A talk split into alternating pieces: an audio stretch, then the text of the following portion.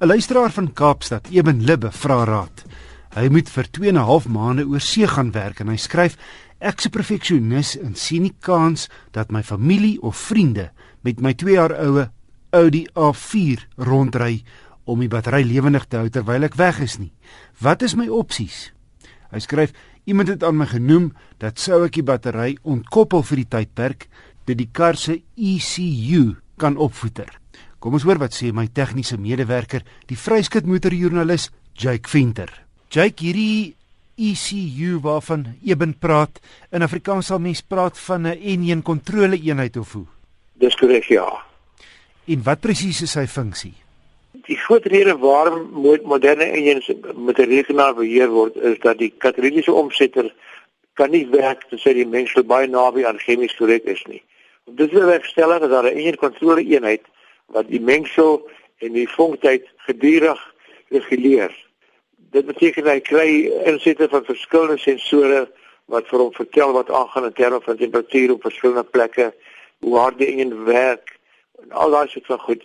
Dan besluit hy tussen elke ontbranding siklus is hy in staat om in 'n duisende van 'n sekonde besluit te neem wat die mengsterkte moet wees in 'n bepaalde silinder en ook wat die vochtheid moet wees. En deur dit so akkuraat te reguleer, kry jy dan 'n ideale toestand vir een om te werk.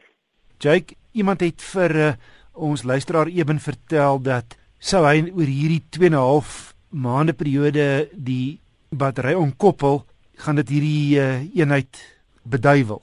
Is dit wel Ja, die moderne, moderne rekenaar eenheid hou nie daarvan nie. Uh, hy hou van 'n klein bietjie krag om aan die gang te hou.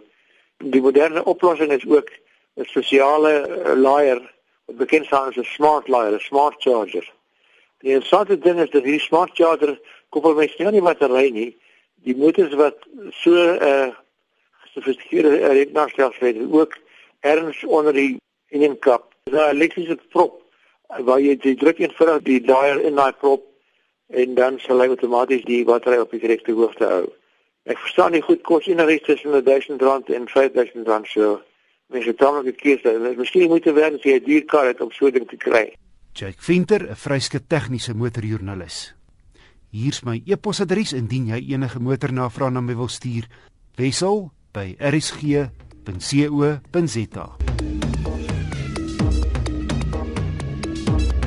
Na 'n insinking weens 'n gebrek aan 'n verskeidenheid nuwe produkte, is Opel weer plaaslik aan die groei met 'n hele paar interessante voertuie. Sedert 1996 is daar al 'n stuk of 153 000 Corsas plaaslik verkoop. En vroeër vanjaar is die 5de generasie hier bekend gestel. Ek het die Enjoy middelmodel gery teen R218.400. Met die eerste oogopslag nie opvallend anders as die vorige model nie. Binne onopwindend maar netjies en gerieflik. Wel nogal en aardig geen elektriese vensters agter nie ook geen voetrus hier links nie en geen togbeheer. Twee dinge wat handig te pas gekom op die lang pad. Die stoorgedeelte tussen die twee voorste sitplekke is oop. Ter wille van veiligheid wil 'n ou eintlik 'n spasie hê wat kan toemaak. Hierdie model is toegerus met 'n paar opsies agter drie sensors en voor. Maar dis 'n R8000 opsie Ook toegerus in die toetsmodel is Opel se IntelliLEC multimedia skerm. Die kos by komende R4000.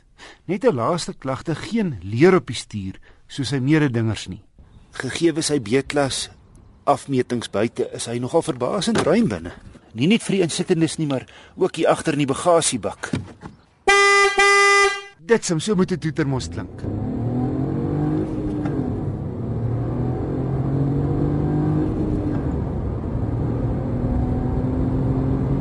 Corsa se troefkaart, 'n lieflike, gesofistikeerde 3-silinder 1000cc turbo oond wat 85 kW uitskop. 170 Nm wrinkrag is vanaf 'n lae 1800 toere beskikbaar wat 'n konstante stroomkrag beteken. Anders gestel, hier op die hoofveld trek hy sterker as 'n normale 1.6 deur die ratte. In 6de rad 'n lekker rustige 3000 toere teen 120 en die masjienkie doodstil. Ook min windgeruis. Danksy die 1 liter turbo, 'n sesde rad en 'n stoprystelsel wat die masjien laat vrek wanneer jy in stadsverkeer by verkeerslig stop, het ek op my gekombineerde roete 'n uitstekende 5,7 liter per 100 km gemeet.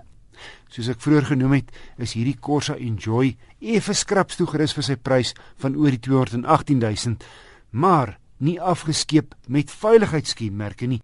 Onder meer 6 ligsakke, elektroniese stabiliteitsbeheer, hulp met wegtrek teen opdraandes, dagryligte, banddrukmonitors en ABS remme met EBD en BAS. Te verstaan is dus dat hy 'n 5-ster gradering in die gesaghebende Euro NCAP veiligheidstoetse ontvang het. So waar laat dit die Opel Corsa Enjoy gemeet aan die kompetisie? Hy's duurder as die waarde vir geld Fiesta.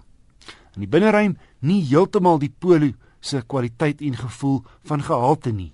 In buitelangs, na my mening, minder stylvol as die Clio en Mazda 2. Maar die gesofistikeerde kragbron is 'n wenner. Die lewer moeiteloos meer krag as die meeste besigmentluikere. En opvallend is die goeie ritgehalte. Maklik van die beste in sy klas en so ook sy veiligheidskenmerke en ruimte binne.